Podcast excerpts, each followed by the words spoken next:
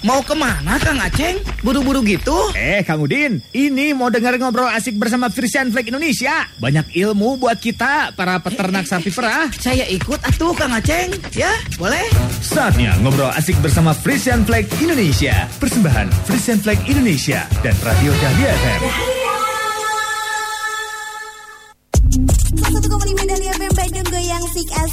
Wargi Dahlia. Walaupun di luar lagi hujan deras banjir di mana-mana tapi tetap tidak mengurangi semangatnya wargi Dahlia yang malam hari ini sudah siap-siap standby buat pantengin acara ataupun program spesial setiap Jumat malam dua minggu sekali di Radio Dahlia FM pastinya ada program yang selalu ditunggu-tunggu nih khususnya untuk kawan peternak ya yang ada di Pangalengan, Lembang, Jawa Timur, Jawa Tengah yang lagi pantengin juga lewat streaming dan pastinya ada program Radio Buara Frisian Indonesia yang selalu ditunggu-tunggu oleh kawan peternak semuanya ya.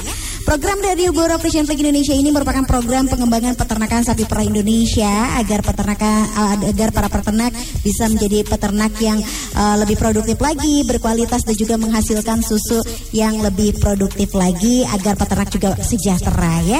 Wajib dipantengin karena setiap dua minggu sekali dengan tema yang berbeda-beda ya. Ada berbagai macam ilmu yang bisa didapatkan oleh kawan peternak semuanya dari narasumber-narasumber yang berbeda-beda ya. Kalau minggu lalu kita sempat membahas tuntas mengenai uh, efek dari PMK dan juga LSD. Nah, ya um, di minggu ini di minggu ini kita pastinya akan membahas kelanjutannya yaitu mengenai regenerasi sapi perah yang ideal. Baby Alia nggak sendirian, ada narasumber yang sudah siap untuk ngobrol bareng sama Baby Alia malam hari ini. Ada Kang Rikrik M Rizky selaku Dairy Development Field Quality Manager dari Frisian Pagi Indonesia. Wilajeng Wengi Kang Rikrik.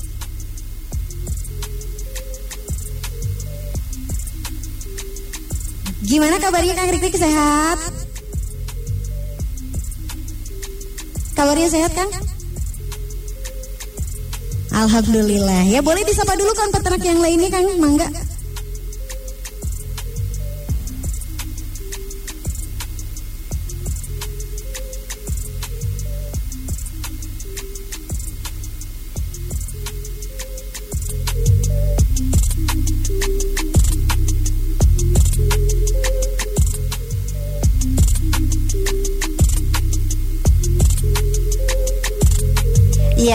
Sudah memasuki bulan Sawal dengan semangat yang baru pastinya untuk konpetrak semua ya dan gak cuma ada Kang Rikrik aja, ini juga ada Dr. Fatul Bari selaku pengurus IDHSI dan juga kepala bagian IB Keswan KPS BU Lembang Wilajeng Wengi uh, Kang Fatul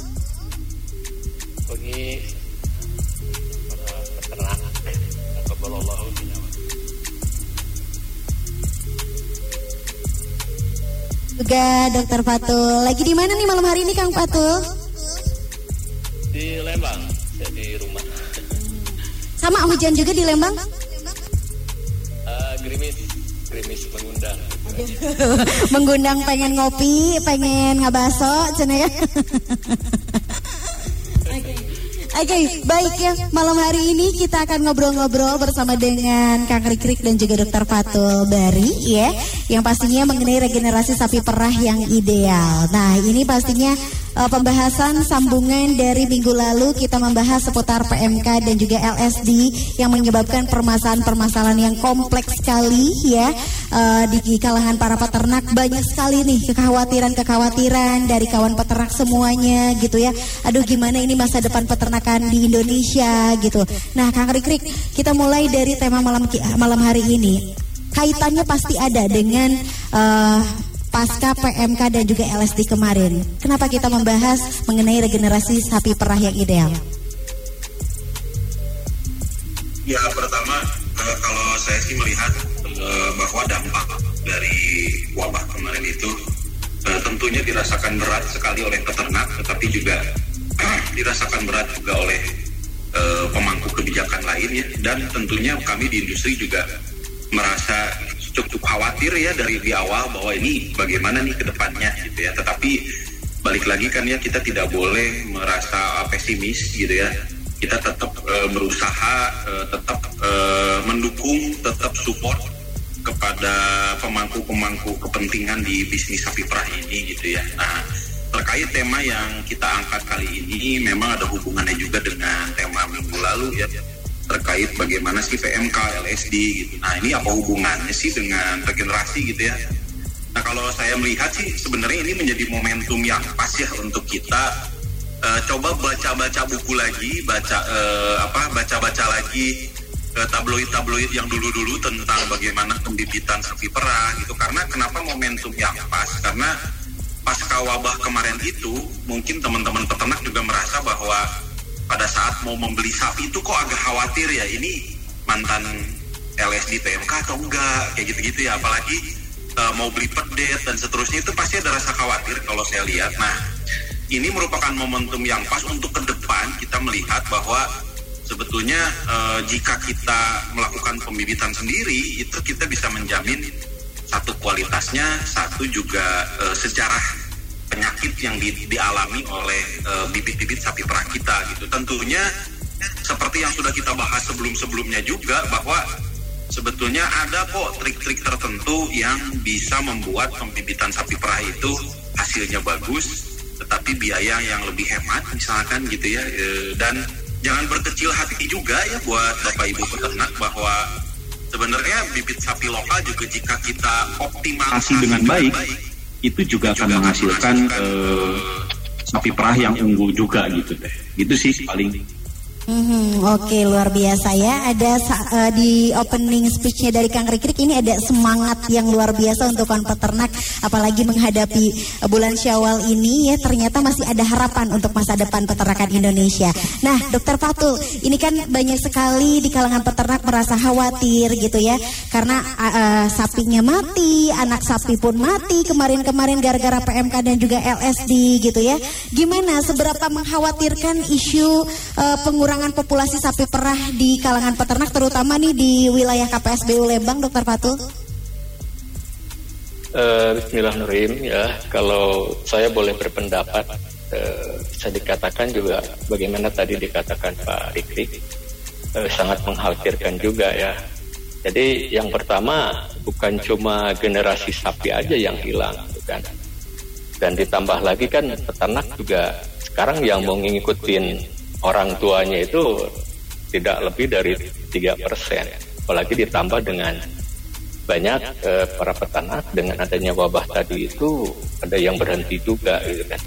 Dan ini juga boleh dikatakan kalau menurut saya itu ada efek domino juga itu kan dari wabah khususnya PMK. Katakanlah semua program yang diangkat oleh pemangku kebijakan yaitu salah satunya dulu ada GBIB ya, bertakbirahi dan IB. Kemudian juga upsusiwa, upaya khusus sapi indukan wajib bunting. Kemudian juga sekarang ada yang namanya si komandan, sapi keberbol e, merupakan e, komoditas unggulan. Ini salah satunya adalah untuk swasembada daging dan susu seperti itu.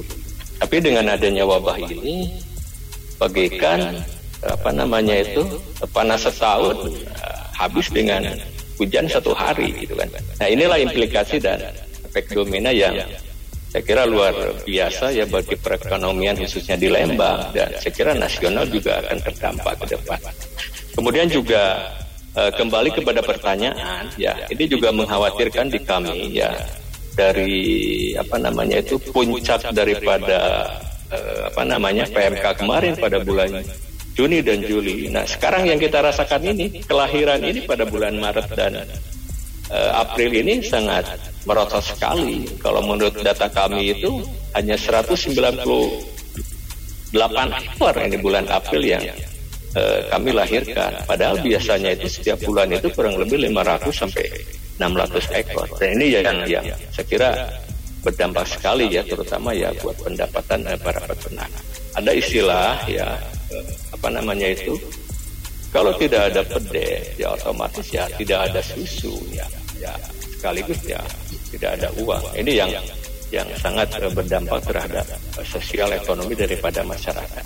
Dan saya kira ke depan uh, regenerasi sapi ini siapa yang akan melanjutkan kalau tidak ada sapi? Sementara kami kan manusia harus tetap tetap bernapas. Saya kira sangat penting lah regenerasi ini kita pikirkan bersama-sama. Itu mungkin sementara tidak dapat dipungkiri bahwa efek dari PMK dan LSD kemarin memang sudah terasa efeknya dan pastinya cukup mengkhawatirkan juga. Nih Dokter Fatul ini kan juga sebagai pengurus IDHSI atau Ikatan Dokter Hewan Sapi Indonesia ya. Kalau tentang isu kekurangan populasi di masa yang akan datang di level nasional sendiri itu seperti apa saat ini? Uh, kalau level nasional sih uh, kementerian sih mengklaim bahwa ya tidak terlalu mengkhawatirkan gitu kan. Kehilangan populasi hanya 0,04 persen gitu dari populasi 18 sampai apa 19 juta itu kan. Tapi ya tetap kami merasakan ya terutama di sapi perah. Nah ini ekses daripada PMK ini ya pasti akan kehilangan yang namanya pertumbuhan itu kurang lebih 10 sampai 20 persen, terutama eh, di masa pertumbuhan sapi itu akan hilang atau mencapai dewasa. Kemudian juga penurunan fertilitas, kemudian juga perlambatan terhadap kebuntingan. Sapi itu kan birahi, bunting, mengandung lahir. Nah ini ini yang yang bisa dikatakan mengganggu dan dan kami juga di EDSI apa IDHSI apalagi sangat punya kepentingan gitu kan sebagai dokter hewan kalau tidak ada sapi salah satunya kita mau menerapkan ilmu di mana gitu kan? Seperti gitu. Tapi ya insya Allah lah tetap yang namanya pemerintah apalagi kan sapi ini komoditas yang sangat menggiurkan pemerintah juga insya Allah akan selalu memikirkan lah untuk langkah ke depan sehingga sapi-sapi potong ataupun sapi perah ini akan tetap survive. Saya kira seperti itu. Kang Rikrik ada tanggapan mengenai data-data yang tadi sudah dipaparkan oleh Dokter Fatul mungkin?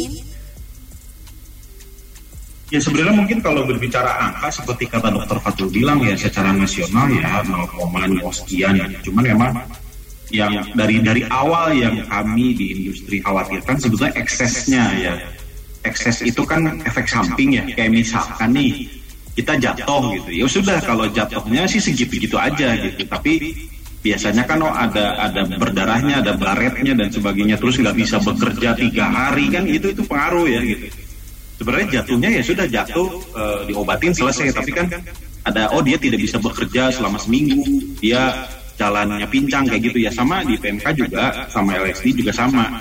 Itu mungkin dari sisi angka nggak terlalu besar, tapi e, ekses atau efek samping gitu ya, efek panjangnya dari mulai uh, tadi kata dokter Fatul bilang kan siklus sapi perah itu tadi kalau kita boleh ulang gitu ya ada birahi terus inseminasi mengandung melahirkan jadi susu. Habis gitu birahi lagi terus aja gitu kan. Nah siklus-siklus inilah yang ternyata belakangan mulai terlihat bahwa efek samping dari penyakit-penyakit terdahulu itu mulai terlihat gitu. Dan kalau saya lihat sih sebenarnya bukan semata-mata dari PMK-nya tetapi juga dari yang yang perlu kita garis bawahi adalah ternyata uh, manajemen uh, perawatan sapi perah yang kita lakukan itu juga mencerminkan bagaimana dampak PMK itu terjadi di sapi-sapi yang ada di kandang masing-masing. Jadi maksudnya gini, manakala kita memelihara dengan manajemen yang sangat baik misalkan uh, pada saat sapi kita terkena PMK biasanya kalau yang saya lihat di lapangan proses penyembuhan lebih cepat, proses kena, kenaikan uh, susu lebih cepat seperti itu sih. Jadi ini juga perlu kita menjadi evaluasi bersama terutama di tingkat peternak bahwa uh, coba di, diingat-ingat lagi uh, dibandingkan ya antara ilmu pengetahuan yang didapat sapi pemeliharaan ideal itu seperti apa dan apa yang kita lakukan sehari-hari itu dampak setelah PMK-nya kelihatan positif negatifnya enggak.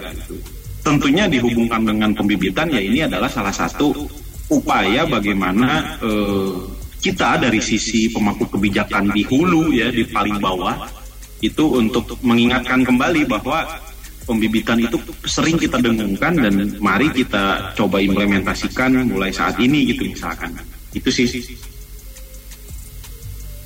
Oke, nanti kita akan bahas lebih lanjut lagi ya mengenai tema kita malam hari ini regenerasi sapi perah yang ideal ya. Untuk kawan peternak yang mau bertanya ataupun mau sharing berbagi pengalaman tentang sapi perahnya setelah melewati masa-masa PMK dan juga LSD kemarin, boleh kirimkan via WhatsApp di 0811 222 1015 atau yang sedang bergabung via Zoom juga silahkan kirimkan via kolom chat ya. Nanti kita akan bacakan dan kita akan jawab bersama-sama dengan narasumber kita malam hari ini. Kita dengarkan dulu ini ada satu testimoni ya, testimoni dari salah satu peternak tentang regenerasi sapi yang ideal. Regenerasi ideal yang seperti apa? Ini dia testimoninya di Radio Buara Frisian Plague Indonesia. Halo, selamat malam semuanya. Nama saya Agus Suhendar dari KPBS Pangalengan, TPK Wanasuka Kelompok 1. Usia saya 38 tahun. Dari pengalaman saya, regenerasi sapi yang ideal adalah yang mempunyai rencana pembibitan apil yang seimbang. Regenerasi ideal juga tidak lengkap tanpa pemeliharaan sapi yang ideal. Bagi saya, pemeliharaan sapi itu harus diperhatikan sedari sapi itu melahirkan dan selama anak pelet itu dipersiapkan untuk regenerasi. Regenerasi sapi perah yang dibesarkan dari pelet itu lebih baik daripada sapi yang dibeli dari luar. Karena bibit sapi yang dibesarkan sendiri kita lebih tahu asal usulnya dan potensi produksi yang bisa diharapkan dari sejarah induknya. Jika kita membeli dari luar, setidaknya kita harus mempersiapkan modal dulu untuk membeli ditambah kita tidak tahu asal usul sebenarnya dari sapi tersebut. Dalam pemeliharaan pedet tentu saya menghadapi kendala di antaranya. Dulu sebelum tahu ilmu banyak pedet mengalami diare dan kematian karena diare dan penyakit lain. Namun setelah ikut program saya jadi tahu cara mengatasi sekaligus mencegah diare tersebut. Di antaranya dengan menyediakan kandang yang bersih dan kering dengan bekas kayu gergaji dan tentu pemberian kolostrum sesegera mungkin untuk pedet yang baru lahir. Ada lagi pengalaman saya PMK di mana tiga ekor pedet lahir tanpa induknya karena induknya harus diapit terkena PMK. Alhasil saya berusaha keras selama tiga bulan agar pedet tersebut selamat dan alhamdulillah tiga ekor pedet betina tersebut selamat dan masih hidup hingga saat ini. Pesan-pesan kepada kawan peternak tetaplah semangat dan optimis. Memang jika dipikir kalau membesarkan pedet memang capek, namun insya Allah hasilnya akan lebih baik. Jadi dengan berpikir untuk menjual pedet bibit karena pedet itu adalah investasi kita di masa depan. Baik kini dan juga nanti Tiap pagi susu Fresh Fried 101,5 Dahlia FM. Dahlia FM Dahlia FM Bandung Goyang. Asik asik Buat ibu, keluarga nomor satu, madunya juga nomor satu. Buat anak, kesehatan nomor satu, madunya pun nomor satu. Buat chef, rasa nomor satu, madunya pun harus nomor satu. Buat atlet, stamina nomor satu, madunya tetap nomor satu. Apa pun nomor satunya, madu TJ, pilihan Indonesia nomor satu. Terima kasih atas kepercayaan Anda memilih Madu TJ. Sehingga Madu TJ berhasil menjadi produk kategori madu penjualan terbaik nomor satu di Indonesia. Madu Indonesia nomor satu, Madu TJ pilihanku. Apa pun nomor satunya, Madu TJ pilihan nomor satu Indonesia. Madu TJ, madu pilihanku. Kejar THR Lebaran di Trans Studio Bandung. Saatnya liburan dan ajak seluruh keluarga berpetualang seru di Trans Studio Bandung untuk menyaksikan Jurassic Live Show yang hadir setiap hari untuk menemani liburan wargi Dahlia. Di sana wargi bisa bertemu dengan para baby dinosaurus yang baru saja menetas. Kemudian dinosaurus dewasa yang bisa wargi ajak bermain, menari, dan makan bersama. Tiket masuk cukup membayar Rp270.000 dengan menggunakan Alobank. Wargi udah bisa bermain semua wahana dan menyaksikan semua pertunjukan yang ada. Jadi, yuk jadikan libur lebaran lebih fun dengan menonton Jurassic Live Show di TSB Trans Studio Bandung di Unique World Class Indoor Theme Park. Ada Hydro Coco di Dahlia. Pokoknya, mulai bulan Januari ini bakal banyak kuis seru dari Hydro Coco dengan hadiah uang tunai total jutaan rupiah. Siap-siap ya wargi buat ikutan kuis Pabulit Leta dan kuis pantun dari Hydro Coco dengan hadiah uang tunai 100 ribu rupiah untuk setiap pemenangnya di setiap kuis di setiap hari. Ikuti kuis pantun yang diadakan setiap Senin sampai Jumat di acara Dahlia Indonesia Pilihan. Pokoknya wargi siapin aja pantun sekreatif mungkin tentang Hydro Coco dan harus ada kata Hydro Coco air kelapa aslinya ya. Dan ikuti juga kuis Pabulit Leta yang diadakan setiap hari Senin sampai Jumat di acara Dahlia Tatar Sunda. Nikmati juga langgam dangdut asik persembahan Hydro Coco di program Bandar Dangdut Dahlia setiap hari Senin sampai Sabtu. Periode Januari sampai Maret 2023. Persembahan Hydro Coco dan Radio Dahlia juara. Follow, follow, follow, Follow. Instagram dan Twitter Dahlia FM di @1015 Dahlia FM.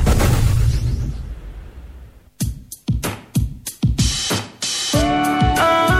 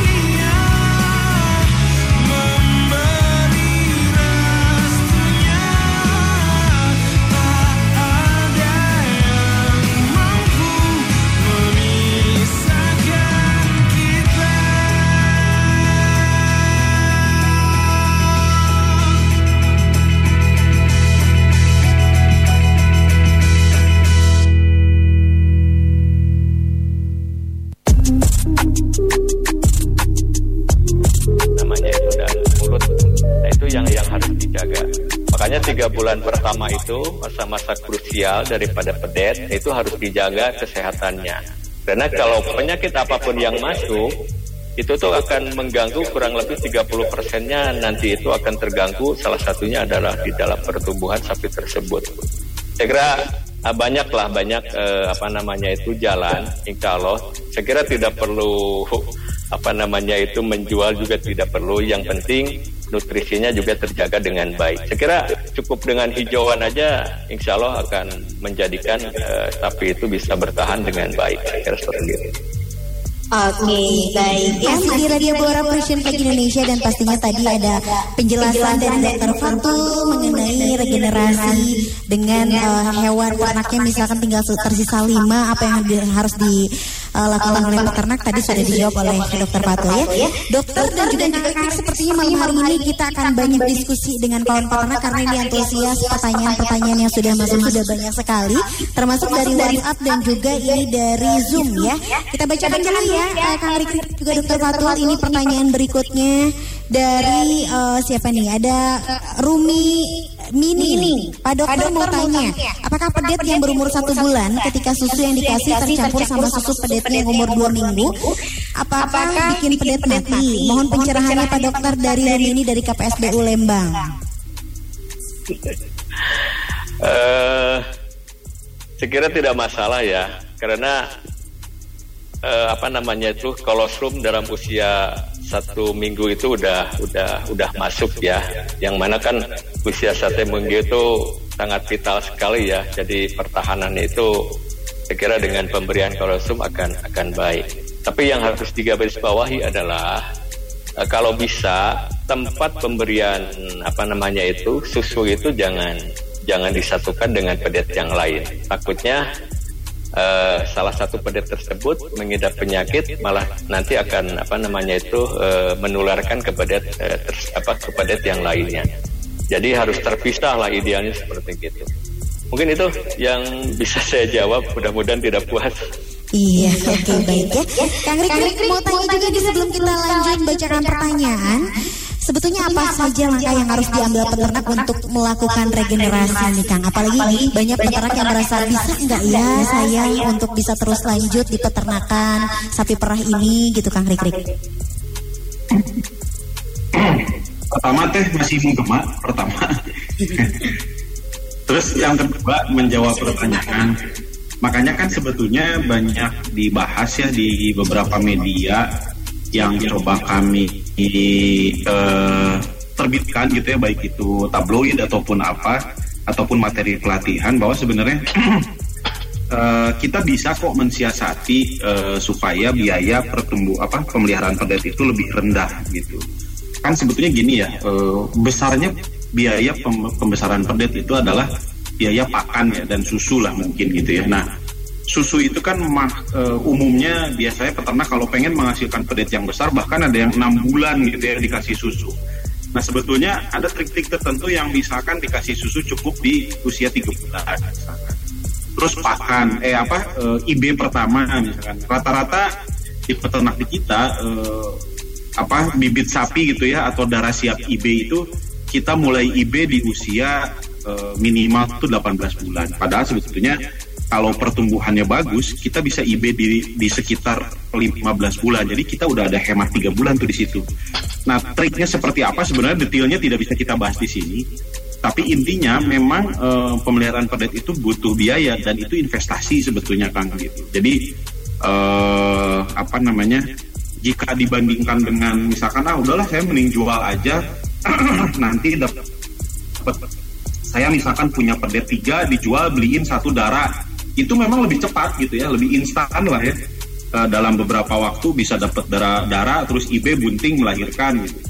Cuman memang sering kali dari sisi kualitasnya yang sering kali kita kita ragukan apalagi di zaman sekarang ya.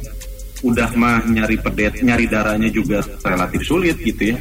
Karena kalau saya lihat sekarang peternak agak enggan untuk membeli sapi yang sudah perahan karena ditakutkan produksinya rendah, mantan PMK dan seterusnya. Jadi darah bunting lah yang sekarang menjadi primadona dan itu barangnya atau hewannya saat ini di pasaran memang tidak mudah juga kalaupun ada harganya relatif mahal. Eh, seperti itu sih mungkin Kang itu bisa dicoba. Memang eh, kalau punya sapi lima melihara satu pedet betul kan gitu. Jadi tidak mudah karena memang eh, kalau saya lihat sekitar 20 sampai 30 ribuan per hari itu kita harus alokasikan untuk si pedet rata-rata ya terutama pada kal manakala dia mulai bertumbuh besar kalau masih kecil sih mungkin relatif lebih rendah lagi biayanya Cuman memang itu balik lagi ada konsekuensi seperti dokter Fatul tadi bilang gitu. Kalau memang ah saya pilihannya memang nanti aja kalau punya uang saya beli ya silahkan itu sebetulnya pilihan kembali lagi. Eh, tema ini kita angkat sebetulnya ingin mengingatkan kembali di situasi yang saat ini relatif lebih pas gitu ya mengenai pembibitan. Karena materi pembibitan itu kan sering sekali kita bahasin gitu. Dan eh, kenapa kita bahas lagi sekarang? Karena memang cukup pas dengan eh, apa namanya masa-masa seperti sekarang ya. Susah nyari darah bunting eh, eh, populasi menurun gitu. Itu menjadi momentum yang yang pas untuk kita bahas. Diingatkan kembali mangga dibaca lagi. Bagi kalau perlu ditanya lagi gimana sih caranya gitu. Tentunya dengan trik-trik tadi jangan lupa kesehatannya juga harus dijaga karena seprima-prima apa pun pakan atau apa pun yang kita kasih ke pedet manakala pedet gitu sekali saja atau dua kali terkena diare itu biasanya menurunkan potensi produksinya di di kemudian hari. Oh, oke. itu teh Oke oke oke. Tadi berbicara tentang pembibitan nih ya.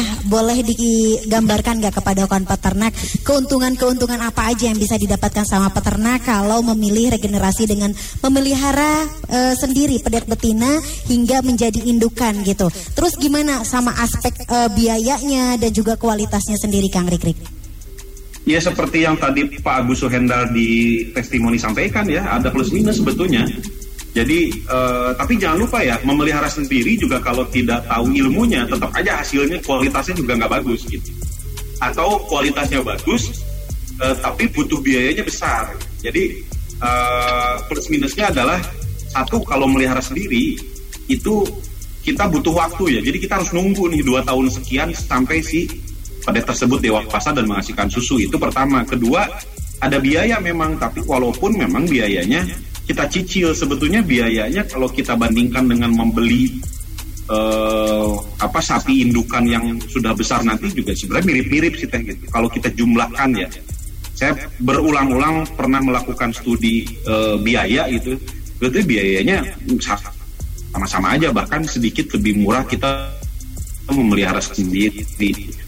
Cuman memang butuh waktu ya gitu. Kita, tidak bisa eh, sekitar dua tahun lebih gitu sampai si eh, sapi tersebut menghasilkan susu. Berbeda dengan kita membeli ya hari ini kita punya uang besok kita bisa dapat darah bunting atau sapi perahan gitu.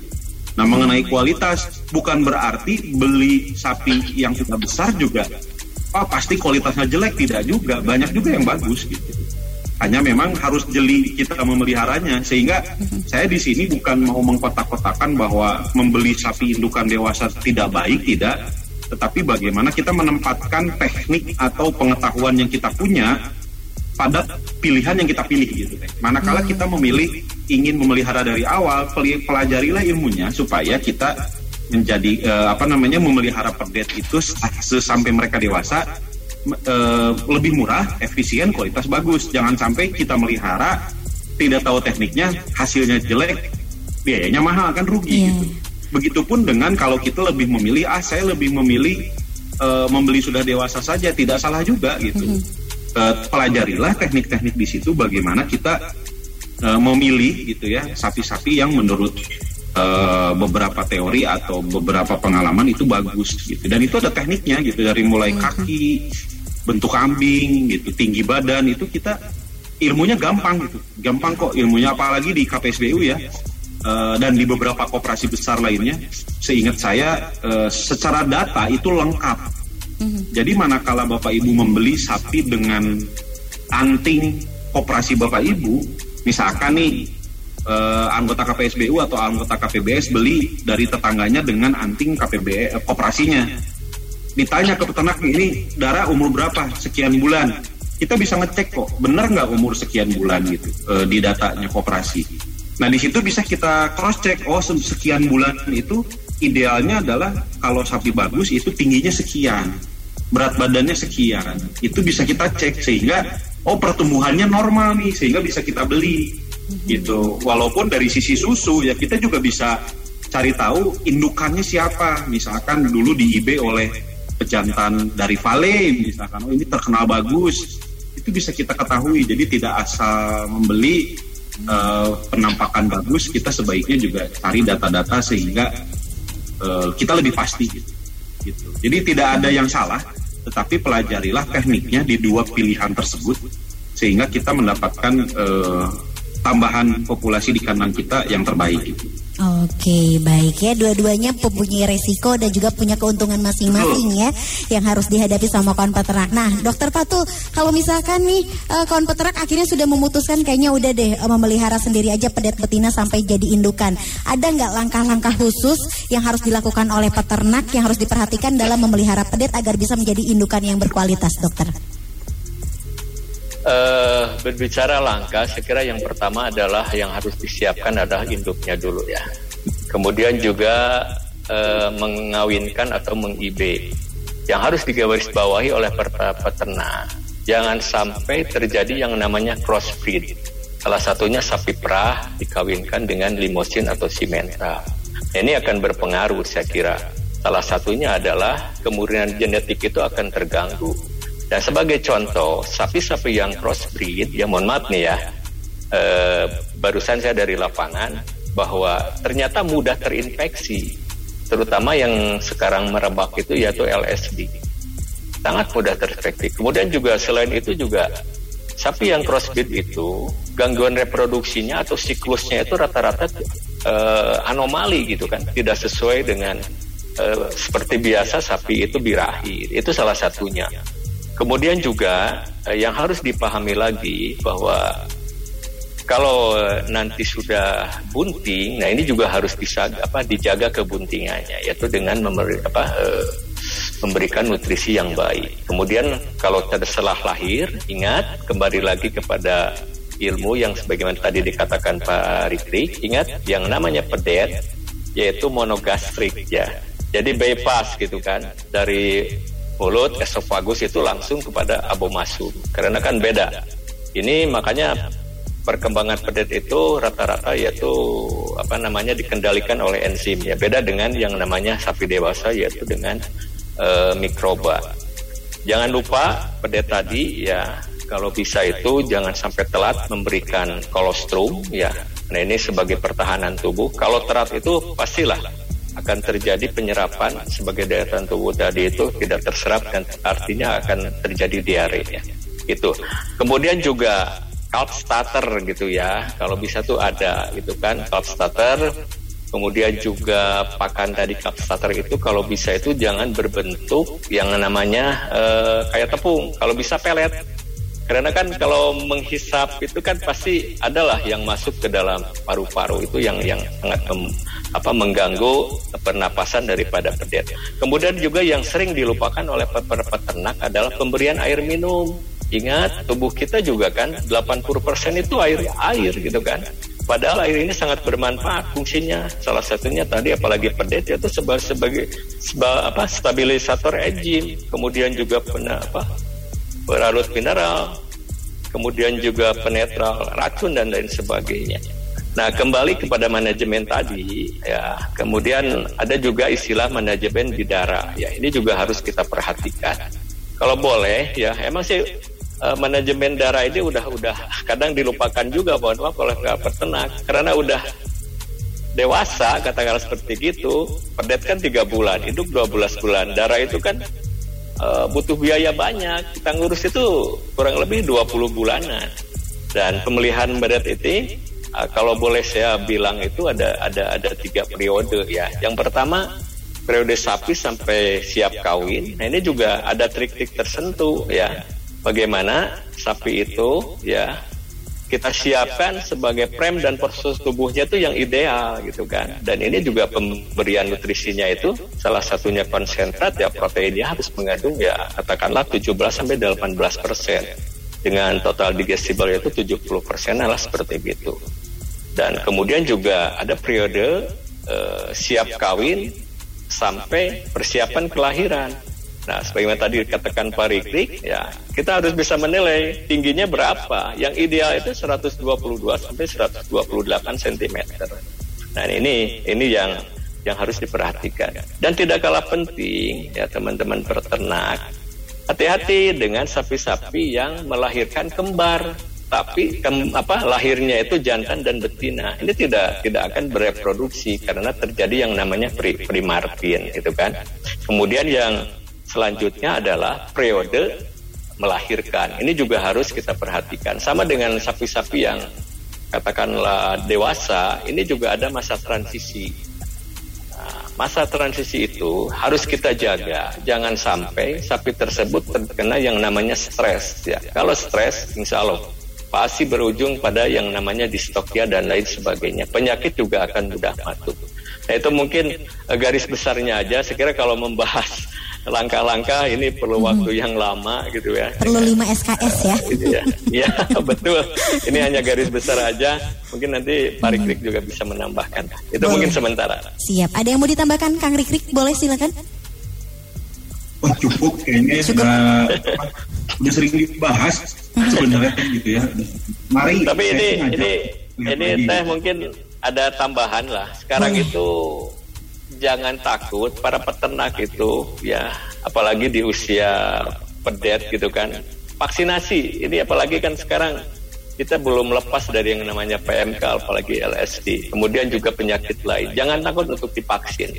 Saya kira dengan keberhasilan imunitas itu ya dengan adanya vaksin insya Allah lah akan membangun perekonomian yang baru ya saya kira itu. Makanya sekali lagi jangan takut untuk divaksin. Itu hanya apa sebagai ikhtiar kita lah sebagai kita supaya sapi-sapi itu tetap survive gitu. Itu mungkin tambahannya. Ya, dokter ini juga me- berhubungan dengan jawaban tadi yang dari dokter Fatul. Ada yang tanya juga nih dari eh, Babakan Kiara 03 dari MCP Babakan Kiara. Mau tanya, dok gimana caranya mengobati sapi yang birahi tapi minta IB-nya berulang karena sebelumnya sudah kena PMK sapinya dok. Eh, kawin berulang ya kalau siklusnya normal itu bisa dikatakan namanya penyakitnya itu repeat breeder. Nah repeat breeder ini salah satunya itu bisa aja eh, suasana uterusnya itu belum stabil ataupun kondisi di dalam organ reproduksi itu masih ada infeksi sehingga kalau kita IB kan itu malah memberikan nutrisi ya kepada mikroorganisme tadi ada trik-trik yang bisa di- dilakukan untuk mengobati penyakit eh, apa namanya eh, gangguan reproduksi tadi. Katakanlah salah satunya ya minta kepada eh, ya berkoordinasi lah, berkoordinasi eh, inseminator dengan dokternya. Bisa eh, dengan eh, penambahan, misalnya setelah kita IB, eh, setelah hari ini di IB, empat hari kemudian itu bisa dikasih dengan penambahan eh, GNRH ataupun hormon, ataupun hari ini di IB, 11 hari kemudian kita tambah yaitu dengan eh, penyuntikan hormonal, plus ditambah dengan eh, vitamin-vitamin yang lain. Salah satunya adalah vitamin AD. Saya kira pastilah yang namanya repeat breeder itu akan akan akan banyak ya, apalagi kan PMK itu eh, nggak cuma apa namanya itu menyerang ambing. Saya kira fertilitas juga akan sedikit terganggu walaupun banyak teori tidak terlalu berdampak. Tapi dengan kondisi nutrisi yang terganggu, saya kira akan berpengaruh juga kepada eh, kondisi pada umumnya sapi-sapi yang ada gitu. Seperti gitu. Ini mungkin ada satu lagi lewat WhatsApp yang bertanya dari Hermawan Susanto dari TPK Cilumber. Mau tanya katanya kan masalah pembibitan nih, pembibitan pedet gitu ya. Apakah virus PMK ini nantinya akan diturunkan eh, dari induk ke pedetnya sehingga nanti akan berpengaruh terhadap kualitas dan juga pertumbuhan si pedet tersebut, dokter? Eh, saya kira sama dengan LSD ya. S- kalau sapi induknya terinfeksi, ya apalagi sapi-sapi di umur di bawah dua bulan itu kebanyakan itu rata-rata tidak kuat gitu kan. Tapi dengan adanya vaksinasi, insya Allah lah kita itu bisa bisa terjaga ya daya tahan tubuhnya, sehingga jangan sekali lagi jangan khawatir lah dengan adanya vaksinasi. Walaupun efeknya ya katakanlah kemarin kita ada yang benjol segala macam, tapi pada akhirnya juga akan sembuh dengan sendirinya gitu kan. Sekali lagi pasti akan berdampak lah pada pada pada pedetnya. Dan sekira dengan pengobatan ya meningkatkan daya tahan tubuh si pedet tersebut, insya Allah eh, sapi tersebut bisa bisa kembali normal. Ya walaupun tadi kata Pak Rikrik juga pasti ada penurunan kemampuan lah ya untuk eh, berproduksi di kemudian hari. Mhm, Oke baik ya. Selanjutnya mungkin ini untuk Kang Rikrik nih agak panjang nih dari Kang Ujang Supirman dari peternak KPSBU Lembang. Assalamualaikum, Waalaikumsalam. Katanya pengen cerita dulu sebelum bertanya ini ya, pengen ada yang mau disampaikan dulu. Peternak biasanya meregenerasi sapi perah itu pelihara sapi yang diproduksi induknya kan bagus dari awal pedetnya. Da, da- sorry, induknya bagus dari awal, pedet, darah, sampai mau laktasi, pas sapi itu lahiran rasanya kayak nemu harta karun gitu kalau udah kayak gitu teh Cina. Selain dapat sapi laktasi dapat juga pedet ya. Namun ketika mulai dihitung-hitung biaya pakan dan juga perawatan dari pedet sampai laktasi dengan tempo kurang lebih dua tahun sama dengan kita membeli darah bunting yang harganya mahal banget atau bahkan mungkin biaya pembesaran pedet itu lebih mahal. Pertanyaannya sebetulnya mana yang lebih ideal dan juga efektif? Lebih baik pelihara pedet untuk regenerasi atau nabung setelah uangnya cukup kemudian langsung dibeli darah bunting atau indukan sapi laktasi katanya Kak Krik-Krik. Ya tadi sebenarnya udah dibahas deh, cuman saya sekarang mau menjawab dengan bermain logika aja gitu ya. Eh, jadi misal nih kita melihara pedet, taruhlah kita tahu ilmunya dengan sangat baik, efisien gitu ya. Misal biayanya 20 juta. Tiba-tiba ada yang nawarin darah bunting harga 16 juta. Kan logikanya kalau kenapa sih orang ini menjual bisa dengan harga lebih murah kan begitu kita harus tanya dulu kalau misalkan kualitasnya kali jelek, coba dicek, bener nggak kualitasnya jelek. Kalau ternyata bagus, ya kenapa tidak kalau menurut saya gitu. Jadi kalau tanya-tanya ideal, sebenarnya ideal mah di mana-mana ya melihara sendiri kang. Tapi dengan catatan tadi ya eh, meliharanya bener gitu ya. Kalau meliharanya nggak bener, mah ya sama-sama aja gitu. Idealnya begitu ya, sama aja kayak kita punya anak sendiri atau adopsi kan gitu ya. Ya idealnya punya anak sendiri gitu. Cuman balik lagi eh, balik lagi kepada siklus bisnis masing-masing ya gitu.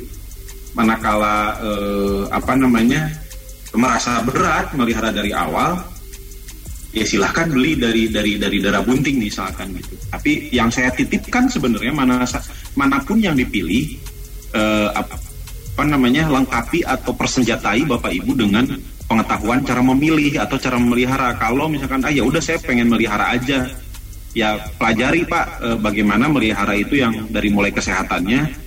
Jangan lupa ya melihara dengan efisien itu juga penting karena ada tekniknya gitu. Tapi begitupun dengan ah, saya memilih untuk membeli aja. Nah membeli juga penting itu. Saya mendapat informasi banyak gitu ya di lapangan. Sekarang ini banyak peternak kok yang kalau membeli sapi sapi gitu ya darah bunting atau perahan dia nanya udah divaksin belum. Nah ini menjadi tren bagus menurut saya ke depannya bahwa peternak dalam membeli sapi juga sekarang sudah mulai sadar bahwa vaksin itu penting. Hal, eh, ditanya mengenai vaksin itu salah satu hal yang eh, menurut saya cukup cukup penting gitu. Selain mungkin tinggi badan gitu, terus eh, bentuk kaki, ambing dan sebagainya itu ada ilmunya sebetulnya dan bisa dipelajari dengan tidak terlalu sulit. Jadi sebenarnya balik lagi Kang gitu. Eh, kalau ngomong-ngomong ideal mah ya tetap memelihara sendiri ya, tapi dengan dengan cara yang benar gitu. Itu sih. Semoga terjawab ya. Dan pastinya ini ada statement nih, saya mau konfirmasi juga sama dokter Fatul kalau pedet itu katanya wajib diberi kolostrum setelah dilahirkan untuk mendorong sistem daya tahan tubuh dan juga berlanjut diberi air susu induknya hingga berusia kurang lebih tiga bulan. Ketika berat pedet sudah mencapai dua kali berat lahir, barulah pedet bisa disapi. Setelah penyipihan pun pedet juga dianjurkan untuk divaksinasi dan diberikan obat cacing terutama setelah wabah PMK merebak di tahun lalu ini. Betul dengan statement tersebut atau mau dikembangkan lagi mangga dokter Fatul? Eh, saya sepakat ya, saya sepakat dengan apa namanya tadi yang disampaikan. Cuma eh, pas penyapihan itu sebenarnya sederhana ya. Kalau selama tiga hari itu si pedet itu sudah eh, mampu makan 1,2 kilo ya, saya kira itu udah udah bisa apa bisa disapi dan itu tidak tidak kurang daripada eh, usia dua bulan sampai tiga bulan. Nah, saya sepakat lah. Dan sekarang PMK juga umur dua minggu itu udah udah bisa kita vaksin ya pedet umur dua minggu itu. Mhm, Oke. Baik dokter kalau misalkan pedet-pedet peternak nih sudah terkena PMK dan juga LSD kemarin, gimana cara peternak untuk menangani hal ini supaya pedetnya bisa tetap eh, tumbuh menjadi indukan yang berkualitas? Mengganti jaringan yang rusak ya pasti dengan adanya apa namanya virus dan lain sebagainya tetap kembali lagi kepada filosofi bahwa sapi itu makan yang namanya eh, rumput gitu kan. Boleh sih tambah dengan protein tambahan yang lain ya, tapi tetap idealnya itu rumput yaitu hijauan. Ya, itu juga akan apa namanya itu eh, mengganti jaringan jaringan yang rusak oleh eh, disebabkan oleh bakteri ataupun virus. Dan tidak kalah penting juga saya kira dengan penambahan yang namanya aditif ya adakan katakanlah makro dan mikro mineral ya yang sudah tersedia di koperasi saya kira itu juga akan membantu.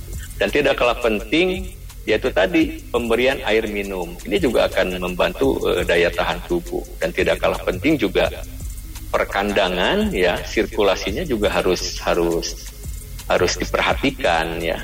Dan mungkin teman-teman peternak juga di Bewara pernah yang namanya ada kausa ignal itu harus diperhatikan lagi. Seperti mata Pariktik tadi dikatakan dibuka-buka lagi lah itu kan. Adanya air minum pakan kemudian space pencahayaan gitu kan. Untuk pedet berinteraksi ataupun sapi berinteraksi juga harus kita perhatikan. Sekali lagi bahwa di kausa ignal tadi ingat yang namanya sapi itu makan itu kurang lebih 4 sampai 6 jam makanya harus selalu tersedia. Kemudian juga minum juga kurang lebih sehari itu tuh setengah jam gitu kan. Kayak minum aja gini ya mohon maaf para peternak kenapa harus selalu ada di tempat? Gak mungkin sekali kita kasih minum sapi itu langsung minum begitu banyak. Makanya sama dengan kita lah. Kita makan apa mau minum langsung 2 liter kan gak mungkin dan saya kira jangan takut untuk diare. Saya kira sapi itu pedet itu udah bisa mengatur fisiologis tubuhnya. Seberapa sih kemampuan dia untuk uh, minum uh, secara baik gitu. Itu mungkin yang harus digarisbawahi oleh para peternak. Mhm, Oke baik ya. Kalau gitu eh, sebelum kesimpulan dari kedua narasumber, Baby Ali yang mau angkatin dulu telepon untuk kuis interaktif untuk warga Dahlia yang ada di rumah. Boleh silakan ikutan kuis di 73028 atau di 7311710 nya. Boleh sudah ada. Halo. Halo. Halo. Kuis persembahan Ra Bobo Radio Bora Fusion Flake. Asik gak tuh? Rung ah, gue gue gue yang. Sama siapa ini? Nenek Ica. Nenek Ica di Banjaran ya? Iya. Oke, pertanyaannya gampang banget ya. Mengapa pedet harus langsung diberi kolostrum setelah dilahir dorong sistem daya tahan tubuh B untuk mendorong eh, lahiran induknya? Baik itu yang A atuh mual. Oh ya A. untuk apa yang A teh? Mendorong Untuk mendorong sistem daya daya daya listrik atau naon? daya tahan Daya tubuh. tahan tubuh. Iya betul. Ya udah kalau kayak gitu, selamat hadiahnya bisa diambil ke Radio Dahlia di jam kerja ya. Makasih. Panteng Radio. Panteng Dahlia enak-enak langgamnya Dahlia Bro ah go go go goyang. Oke baik ya luar biasa kita sudah di penghujung acara ya dan pastinya Kang Rikrik terlebih dahulu nih kesimpulan sekaligus pendapat dari Kang Rikrik tentang penyiapan regenerasi sapi khususnya setelah terjadi PMK dan juga LSD tahun lalu. Silakan dari Kang Rikrik terlebih dahulu.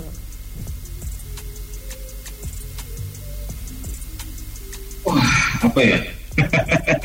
ya intinya sekarang populasi itu itu menurun. Kita, kita butuh adanya penambahan. Ya selain kita mengharapkan ada penambahan yang bisa kita lakukan di kandang kita gitu eh, dalam momentum sekarang ini menjadi sangat pas untuk kita baca-baca lagi jika jikalau bapak ibu punya niat untuk memelihara sendiri gitu ya tidak membeli misalkan itu momentum yang pas sekarang buka-buka lagi tabloidnya nanya-nanya lagi sebetulnya seperti apa sih tahapannya yang efisien terutama eh, memelihara pedet yang supaya jadi bagus. Eh, saya perlu tambahkan ya salah satu kelebihan memelihara eh, sapi dari mulai kecil oleh sendiri itu salah satu kelebihannya adalah kita tahu induknya mana biasanya kan gitu ya. Kan peternak punya sapi lima. Ada yang produksinya bagus tiga nih. Nah biasanya dari salah satu dari tiga ini yang akan dipelihara. Kalau yang jeleknya itu pasti dijual gitu. Yang bagus itu pasti eh, yang akan dipelihara. Nah itu salah satu kelebihannya ya kalau melihara sendiri. Kita tahu bahwa induknya bagus apalagi di IP dengan eh, pejantan yang bagus juga gitu ya. Eh, sehingga kita bisa mengharapkan si sapi ini nanti setelah dewasa akan mempunyai kelebihan-kelebihan tertentu gitu. Namun balik lagi terakhir bahwa eh, pilihannya apa pun mau membeli dari eh, darah bunting atau dari memelihara dari pedet sebetulnya eh, coba digali lagi atau dicari tahu bagaimana cara menseleksi sapi. Kalau kita mau beli yang sederhana saja gitu ya terus bagaimana kita juga memelihara eh, yang baik terutama titik-titik kritis ya. Di tiga bulan pertama itu kayak apa gitu. Terus darah kapalang itu seperti apa transisinya seperti apa lagi hamil seperti apa itu bisa bisa dipelajari lagi dan konsisten kalau menurut saya karena eh, jangan lupa tidak sedi- eh, beberapa kali saya sempat menyaksikan juga s- eh, di di kandang-kandang gitu ya di mana yang punyanya dia tahu banyak gitu tetapi karena konsistensi dia juga banyak lalai di kandangnya dalam dalam tanda kutip gitu. Jadi saya rasa itu ya itu bisa lebih dijaga konsistensi terkait hal-hal yang perlu kita perhatikan dalam memelihara pendet kalau kita ingin memelihara dari kecil. Itu sih. Oke baik Dokter Fatu terakhir untuk kesimpulan malam hari ini yang mau disampaikan kepada kawan peternak Eh, strategi eh, populasi ya dalam hubungannya regenerasi eh, boleh digunakan yang namanya eh, persentase gitu kan. Katakanlah gini, 80% eh, sebagai pencetak uang yaitu sapi yang berproduksi ya, kemudian 10% eh, sapi ya, darah ya dan kering dan 10% kalau bisa itu eh, pedet ya. Dan saya kira dengan formulasi 80 10 10 ini insya Allah lah yang namanya regenerasi ini akan akan terpenuhi dengan baik. Dan tidak kalah penting juga tadi tahap-tahap ataupun langkah-langkah tadi ya harus digarisbawahi juga oleh oleh para peternak. Dan saya yakin ya sekali lagi ada istilah bahwa negeri yang kaya ternak itu tidak pernah miskin. Dan negeri yang apa namanya itu eh, tidak punya ternak itu ya itu tadi pasti akan miskin. Sama lah dengan yang kita kira para peternak itu dengan banyak saya sapi ya kalah. Kita juga yang namanya pekerja itu mereka lebih lebih lebih lebih kaya itu kan. Itulah mungkin ya yang perlu perlu digarisbawahi oleh teman-teman para peternak Oke, rumus sederhana yang tadi bisa diterapkan oleh kawan peternak semua dalam regenerasi sapi perah yang ideal ya. Bangkit bersama setelah PMK dan juga LSD ini tidak perlu khawatir ya. Uh, pastinya selalu juga pantengin Radio Bawara Fashion Flag Indonesia karena ada informasi-informasi yang sangat penting yang perlu disimak setiap dua minggu sekali hadir di Radio Dahlia FM. Terima kasih banyak Kang Rikrik, Dokter Fatul untuk waktunya malam hari ini. Semoga sehat selalu beserta keluarga ya. Amin terima kasih Amin. Amin mohon maaf bila banyak kekurangan kita sama-sama belajar Sangat luar biasa sekali pembahasan kita malam hari ini. Mudah-mudahan informasi yang disampaikan oleh narasumber bisa bermanfaat untuk kawan peternak semuanya dan semakin sejahtera untuk kita semua ya. Baby Ali harus pamit undur diri dulu. Kita ketemu lagi dua minggu yang akan datang. Terima kasih sudah pantengin Radio Bawara Fashion Flag Indonesia. Sukses selalu dan sehat selalu kawan peternak.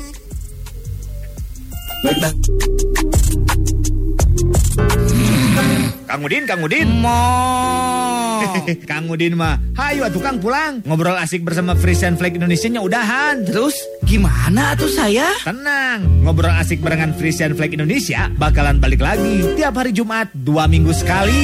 Persembahan Frisian Flag Indonesia dan Radio Dahlia FM. Dahlia